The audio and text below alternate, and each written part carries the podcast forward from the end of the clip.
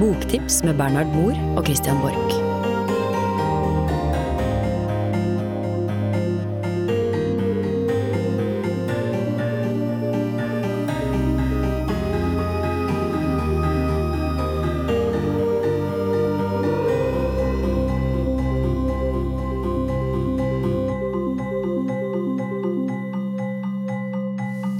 Da sier vi velkommen til Cappelen Dam, til forfatterintervju her i Halvbroren i Cappelens lokaler i byen.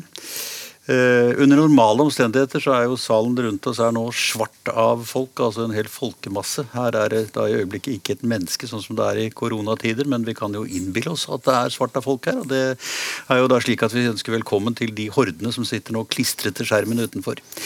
Bernhard Moe, du har altså skrevet og kommer ut med disse dager boken 'Hva vil Russland med Norge?' og Det er altså hva vi kan kalle en brennfersk bok om en rekke brennaktuelle temaer i vårt forhold. Eh, hva er svaret på spørsmålet 'Hva vil Russland med Norge'? Ja, På det eh, spørsmålet så finnes det ikke ett svar, det finnes flere svar. og Det er derfor man trenger en hel bok for å prøve å nærme seg svaret på det. Eh, det jeg gjør i denne boka, er å snakke med forskjellige russere. Altså fra ambassadør og guvernør til eh, journalister, eksperter og det vi kan kalle vanlige folk.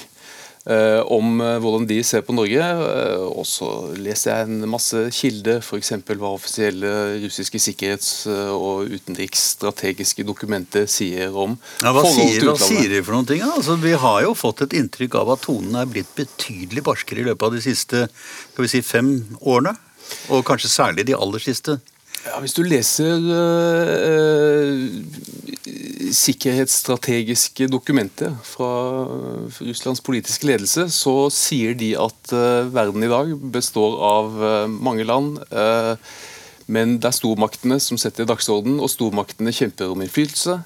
Vesten prøver å holde Russland tilbake, og det viktigste verktøyet for å gjøre det, det er Nato. Russerne har kommet med relativt skarp kritikk av Norges håndhevelse av Svalbardtraktaten eh, ganske nylig. Er ikke det et betent og spesielt spørsmål, som på en måte fungerer som et slags barometer på en politisk tone?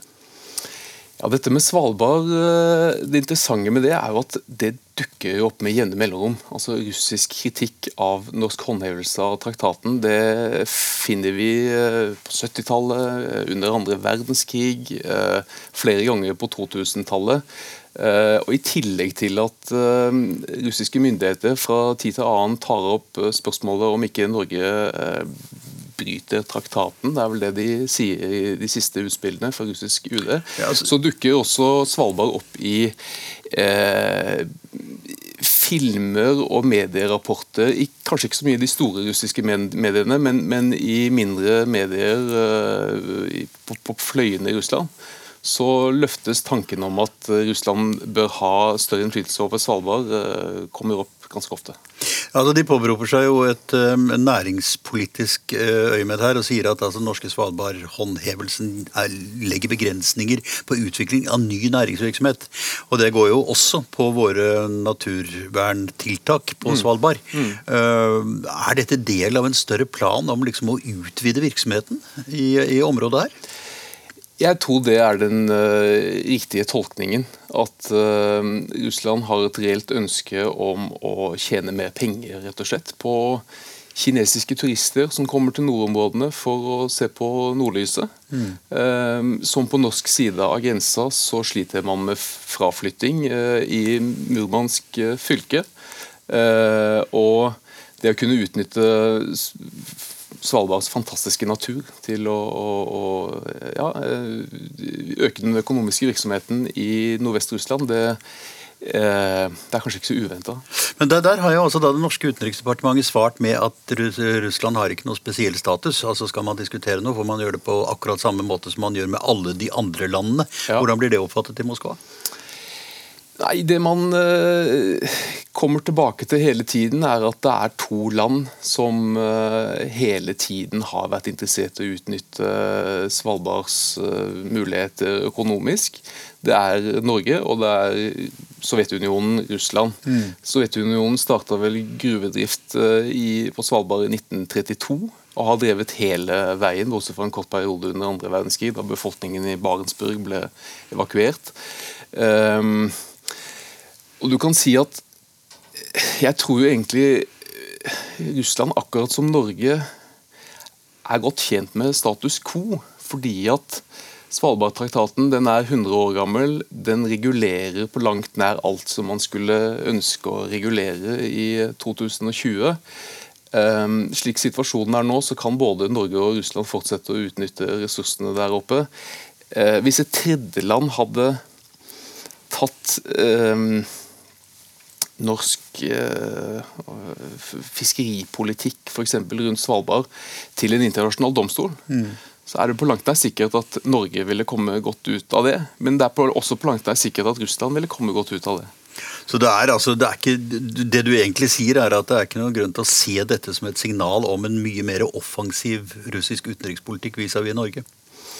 Jeg tror ikke det. og det som vi også kan ta med, det er Et argument for det er at uh, først så kom brevet fra, fra Lavrov til Søreide så kom det norske svaret, og siden kom en kommentar fra russisk UD som ble slått opp ganske stort i norske medier. Eh, men det var altså det 16. punktet i en pressebrifing fra talspersonen Sakharova i russisk UD. Før det så hadde hun f.eks. kommentert en konkret artikkel i Le Monde som de var misfornøyd med. Og også dekningen i russiske medier på russisk stats-TV eh, av Svalbard i forbindelse med 100-årsjubileet var faktisk eh, saklig og god. Nå er jo altså dette med næringsvirksomhet et ganske aktuelt tema. Det er altså ikke mange måneder siden det kom en slags sånn strategiplan for næringsutvikling i området fra Moskva, signert av Putin, hvor jo eh, det går helt klart frem at russerne legger seg i selen for å utnytte ressursene i dette området mye bedre enn det tidligere har vært gjort. Det er snakk om å bygge fire nye flyplasser, snakk om å bygge 40 arktiske skip som også kan gå i is, antagelig, og den nye Nordøstpassasjen blir også nevnt. Er det logisk å se dette som rett og slett en forlengelse av et lands eh, næringspolitiske ambisjonsnivå, eller er det signaler om en mer offensiv holdning også overfor de andre, en mer altså betent konkurransesituasjon, om du kan bruke et sånt uttrykk? Eh, det er heller ikke et spørsmål det er lett å svare kort på. Eh, Russland har med ujevne mellomrom publisert nordområdestrategier, litt sånn som man har gjort i Norge. Og i den tiden da den russiske økonomien vokste eh, voldsomt, altså det første tiåret av 2000-tallet, så var planene for Arktis, Arktis, Arktis, Russland, og ikke minst eh, for olje- og gassvirksomhet, de var veldig, veldig store. Så har de blitt moderert i flere runder, men den siste strategien der er det da en vekst i ambisjonene, kan man si. Jeg tror det handler om flere ting. For det første så sliter man jo med fraflytting i, i Murmansk fylke f.eks. Akkurat som man har fraflytting i de nordligste fylkene i Norge. Eh, det handler om å skape livsvilkår for folk der oppe. Eh, det handler om å utvikle næringslivet eh, skape vekst i den russiske økonomien. Det er en, en fundamental utfordring. Men det, det, høres jo, Når du sier det på den måten, så høres jo dette veldig fredelig og greit ut. Men altså, det ja. er vel ikke mulig å se dette uten også å se det i relasjon til en god del andre ting som skjer på den sikkerhetspolitiske fronten her. Altså, det er vel helt innlysende at russerne har vist en skarpere profil i sitt militære nærvær i det som er det norske interesseområdet, enn tidligere. Og Det er det tredje, altså særlig for, for, det, for Murmansk fylke, da, som ligger uh, direkte inn på norskegrensen. Uh, det er jo der Nordflåten hører til, mm. som er Russlands uh, klart viktigste flåte. Det er jo atomvåpenarsenalene til Nordflåten som gjør at man kan snakke om en strategisk likeverdighet med USA. Um, og her går jo helt klart hva skal vi si, behovet for sikkerhet, behovet for å ta enda større kontroll, ha enda større aktivitet. Eh, det, går jo hånd i hånd. Men altså, signalene må jo sies å være skjerpet også fordi man ikke ivaretar de gamle avtalene og overenskomstene fra den kalde krigens dager. Altså, Det var jo tross alt disse reguleringene på måten man skulle si fra om store militærøvelser på. Nå har vi nettopp hatt en enorm uh, sjømilitær øvelse fra russisk side, som jo ikke ble varslet i henhold til de reglene som i hvert fall man fra norsk side mener lå til grunn. Det var veldig, veldig mye mindre informasjon om det.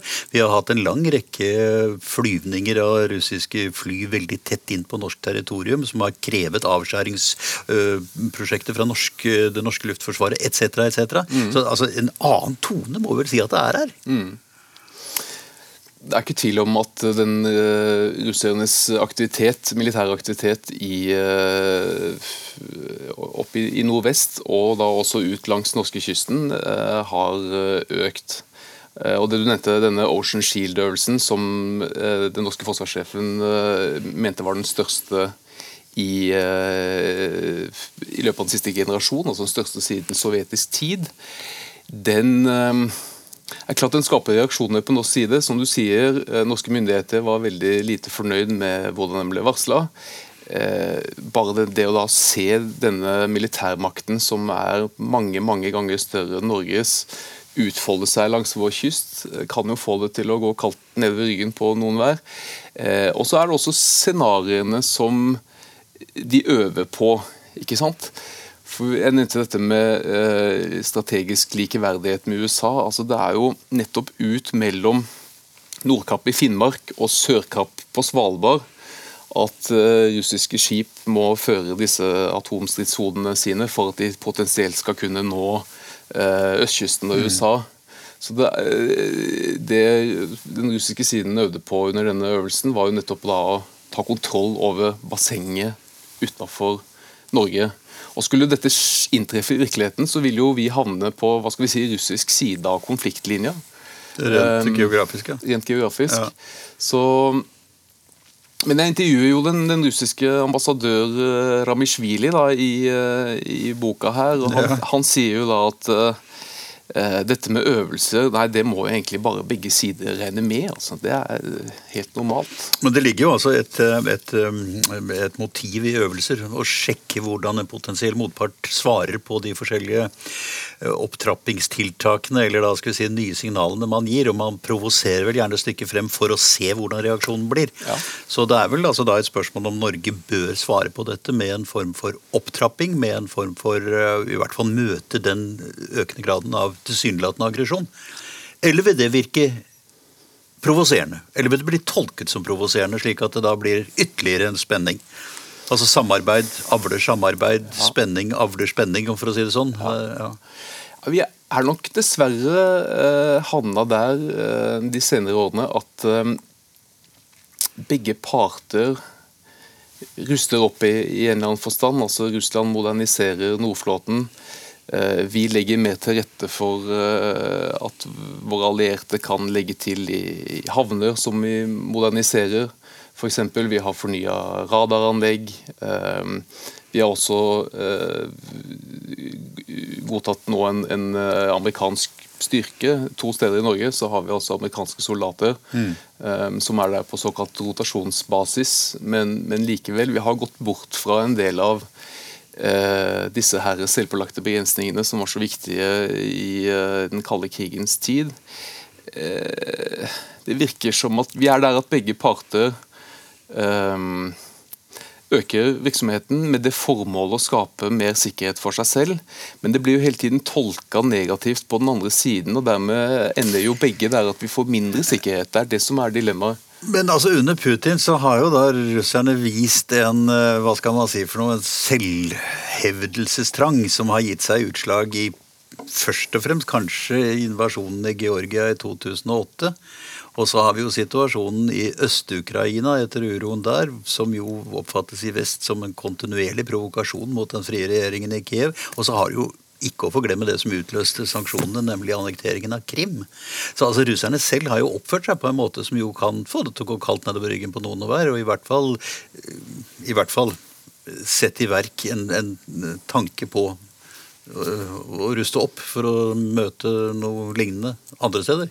Ja, Um, og det det, det er ikke tvil om at da Altså, Krigen i Georgia i 2008 førte vel egentlig ikke til så store endringer i uh, holdningene, verken i uh, det militære eller i, den sivile politiske ledelsen i, i, Norge i forhold til Russland. To år senere så uh, fant man jo en løsning på delelinjekonflikten, mm. som hadde vært den største hemskoen i det bilaterale forholdet i 30-40 år. Ja, Siden slutten av 70-åra. Ja. Ikke sant? Så, ja, eh, men Krim-anneksjonen i 2014 eh, var jo et, eh, et, stort skille, helt utvilsomt.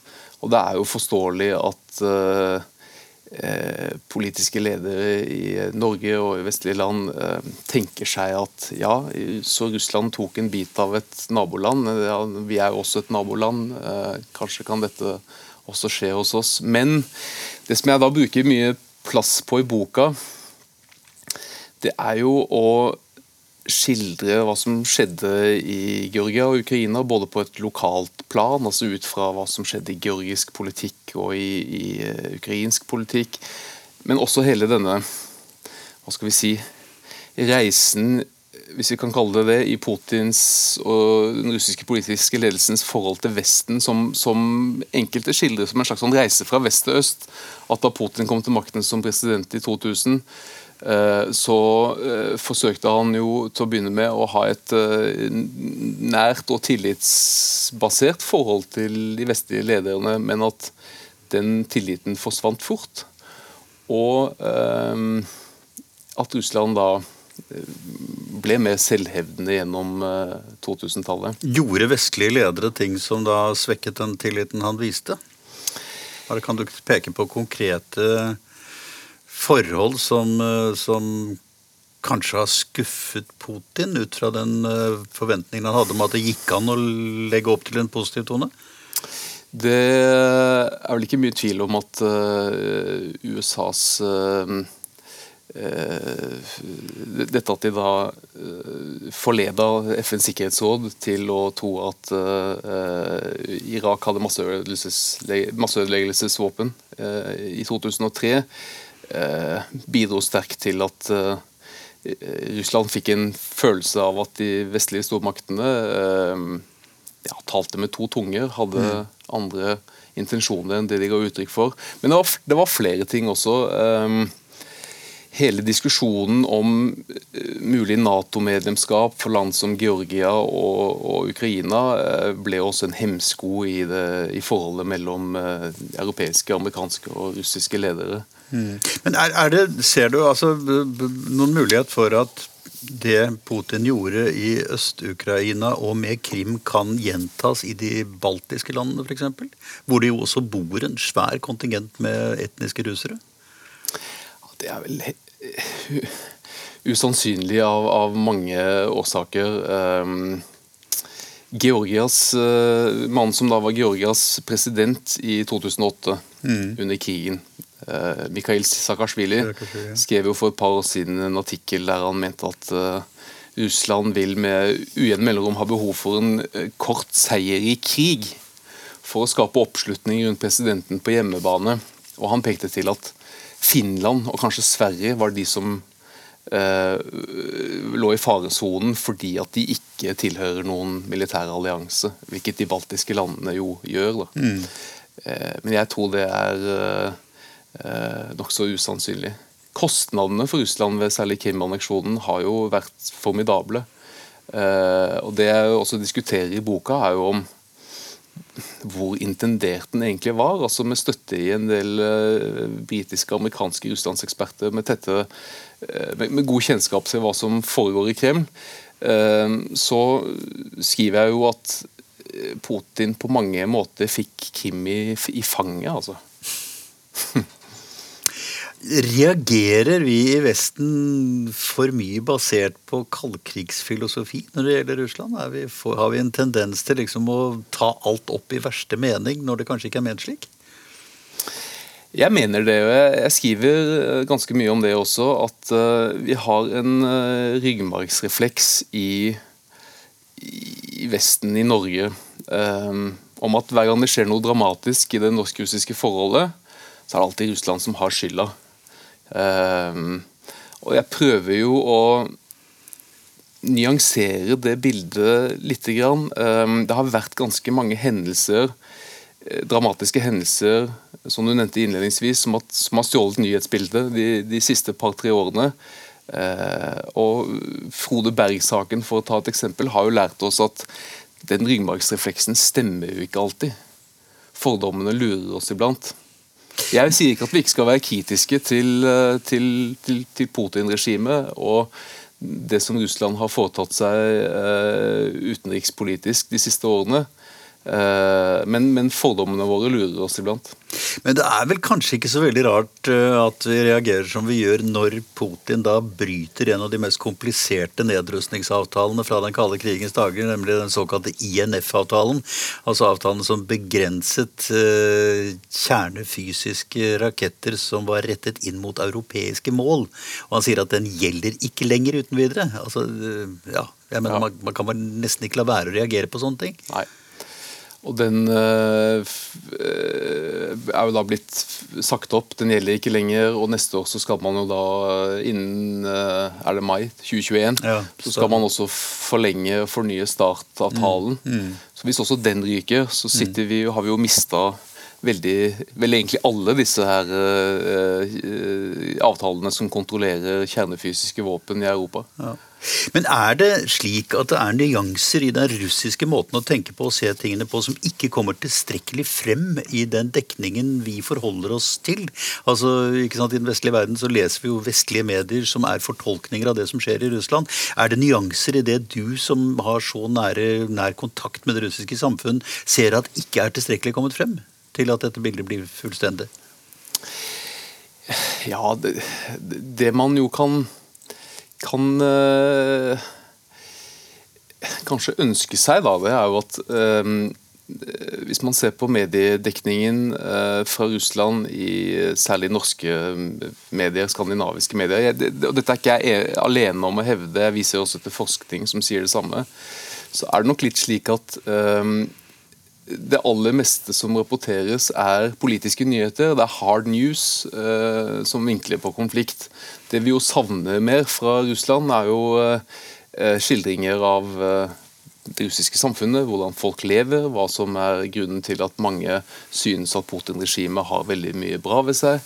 Um, som jeg skrev om i den forrige boka jeg ga ut, som heter 'Hvorfor stemmer russerne på Putin'. Mm. Um, denne Forskningen jeg refererer til i boka, sier jo at det er stor forskjell på de mediene som har uh, korrespondenter til stede i landet, som faktisk kan berette om uh, hvordan russiske uh, hvordan russere oppfatter de store internasjonale diskusjonsspørsmålene. og at det nok er en tendens mange steder til å kaste seg litt over Eh, litt sånne alarmistiske, enkle saker, eh, kanskje fra USA, eh, England, som ja, kan være basert på, på Eh, kilder innenfor etterretning som jo er lukket, og som ikke forteller hvor de har sine, sine informasjoner. Ja, Da blir det altså dette med, med en mangel på nyanser i, i det totale det bildet? Ja, det blir litt al alarmistisk sånn ja. totalt sett. Men altså på den annen side så har jo også russerne gått relativt eh, og hardt til verks med å stenge de åpne kanalene. Jeg tenker på den relativt dramatiske stengningen av det norske universitetssenteret i, i St. Petersburg, der jo du selv studerte. Det var jo en, en bastant reaksjon fra russernes side, og uten at man vel helt har fått for seg hva det var for noe. Selve stengningen var det jo eierne av universitetssenteret, altså universitetene i Oslo, Bergen, Tromsø og Trondheim, som vedtok. På grunn av? Men det skjedde jo da etter eh, gjentatte razziaer fra russisk ja. Eh, sikkerhetspoliti. Uh, og eierne følte da at det var ikke trygt å drive videre. altså Hvis man kan risikere tilsvarende igjen, da kan man ikke ha ansatte der, man kan ikke ta imot studenter der. Men, men hva var den russiske begrunnelsen for disse raidene? Nei, den, den egentlige forklaringen har man jo aldri fått. Jeg tror Den vil vel heller aldri komme opp i, komme opp i lyset, komme opp i dagen. Men eh, det som eh, gikk for rettsapparatet i Russland, var jo rettssaker mot eh, de studentene som var der på det tidspunktet razziaene skjedde, som skal ha fått oppholdstillatelse på feil grunnlag. Hvilket muligens hadde noe ved seg. men altså Eh, senteret hadde jo fått en akkreditering gjennom et samarbeid med en lokal høyskole. At man hadde brutt, noen byråkratiske regler. Ja, Da kunne man jo heller gitt beskjed om det. Da, så kunne, man, kunne man rydde opp i det. ikke sant? Det var vel i, seg, i hvert fall ikke uttrykk for noe særlig grad av velvilje? Nei, det er jo ikke tvil om at uh, noen ville sende et signal om at universitetssenterets virksomhet var uønska der borte. Og det er jo eh, fryktelig trist, fordi at, uh, som jeg skriver i boka, den viktigste forbindelsen mellom Norge og Russland det er den felles grensen vi har mellom Finnmark og Murmansk fylke. Men for akademikere og studenter så vil jeg jo si at Universitetssenteret St. Petersburg var den aller viktigste forbindelsen deres. Og at vi nå har mista den, og at flere av våre fremste russlandseksperter ikke reiser til Russland eh, etter, eh, fordi de har fått visumnekt for fem år, f.eks., som i Julie Wilhelmsens eh, tilfelle. Julie Wilhelmsen, ja, sånn forsker på NUPI. Ja. Um, det er jo uh, ikke bra, og uh, at senteret er stengt er jo heller ikke bra for den videre rekrutteringen av Russlands kompetanse i Norge. Det, det, vi, det vi som, som har brukt en del av vår tid på rapportere om den kalde krigen ser, det er jo at en god del av den gamle kaldkrigstenkningen jo ligger igjen i det russiske systemet, som den jo gjør det i Vesten i stor grad også. Men hva med de kommende generasjonene? Altså, Du har jo mange venner, og du har studert i Russland, du kjenner disse menneskene godt. Hvordan vil du se på den oppvoksende generasjonen? og de intensjonene det, de har? Det er veldig interessant, fordi at uh, i boka her så intervjuer jeg flere grupper av unge russere, altså folk mellom 20 og 28 folk som studerer norsk, folk som har en, interesse for norsk kultur. Eh, og de forholder seg jo ikke til det jeg kaller den store rammefortellingen som statsmediene er fulle av. Dette her med at eh, eh, Det er egentlig det samme som står i denne her sikkerhetsstrategien. At, at Russland er trua fra Vesten. At Putin har løfta Russland opp fra knærne og, og slått tilbake mot trusselen utenfra. De bryr seg ikke om det i det hele tatt. Uh, og uh, Meningsmålinger viser også at uh, unge mennesker, særlig i de store byene, de har mye mindre tillit til presidenten og til det politiske systemet i det hele tatt. men, men hvor, Hvorfor ser vi da ikke klarere tegn på en politisk opposisjon? Det de, disse meningsmålingene også viser, er jo at disse unge menneskene er fint lite interessert i å være politisk aktive. Altså, En av fem i beste fall sier at de kan tenke seg å holde på med politikk. Men så vil de vel heller ikke få Men de er, jo, de er jo synlige i uh, disse demonstrasjonene som har vært uh, i Moskva i fjor f.eks. mot at uh, opposisjonens folk ikke fikk delta i lokalvalg. Mm. Du ser jo på bildene at det er folk i begynnelsen av 20-årene dominerer. Men om de kan bli en eh, politisk kraft, det er vanskelig å si. Ehm, I utgangspunktet tror jeg vi kan forvente at uh, nokså altså stabilitet da, i, Russlands politiske system. Um, og også når det gjelder forholdet til, uh, til, Norge og vestlige land, så tror jeg dessverre lite vil endre seg. Hvordan tror du Norge bør tenke politisk for å komme denne kraften i møte?